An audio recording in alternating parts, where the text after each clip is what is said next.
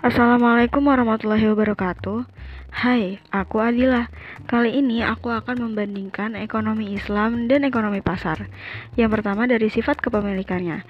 Dalam ekonomi Islam, Allah Subhanahu wa taala adalah pemilik mutlak. Manusia berhak memiliki dengan batasan aturan Allah. Sedangkan dalam ekonomi pasar, kepemilikan mutlak oleh manusia secara individual.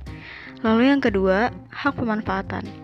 Di dalam ekonomi Islam, pemanfaatan oleh manusia mengikuti ketentuan Allah, sedangkan dalam ekonomi pasar, manusia bebas memanfaatkannya. Lalu yang ketiga, prioritas kepemilikan hak.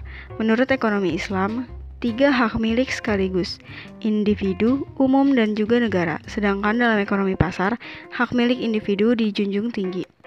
Lalu yang selanjutnya adalah peran individu dan negara.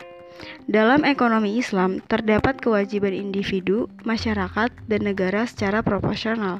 Sedangkan menurut ekonomi pasar, individu bebas memanfaatkan sumber daya.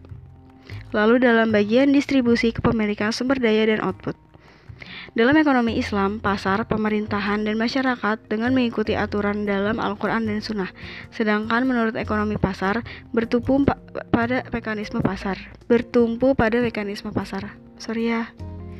Lalu yang selanjutnya adalah tanggung jawab pemanfaatan. Menurut ekonomi Islam, pertanggungjawaban kepada diri sendiri, publik, dan Allah di dunia dan di akhirat. Lalu, menurut ekonomi pasar, pertanggungjawaban kepada diri sendiri secara ekonomis dan juga teknis.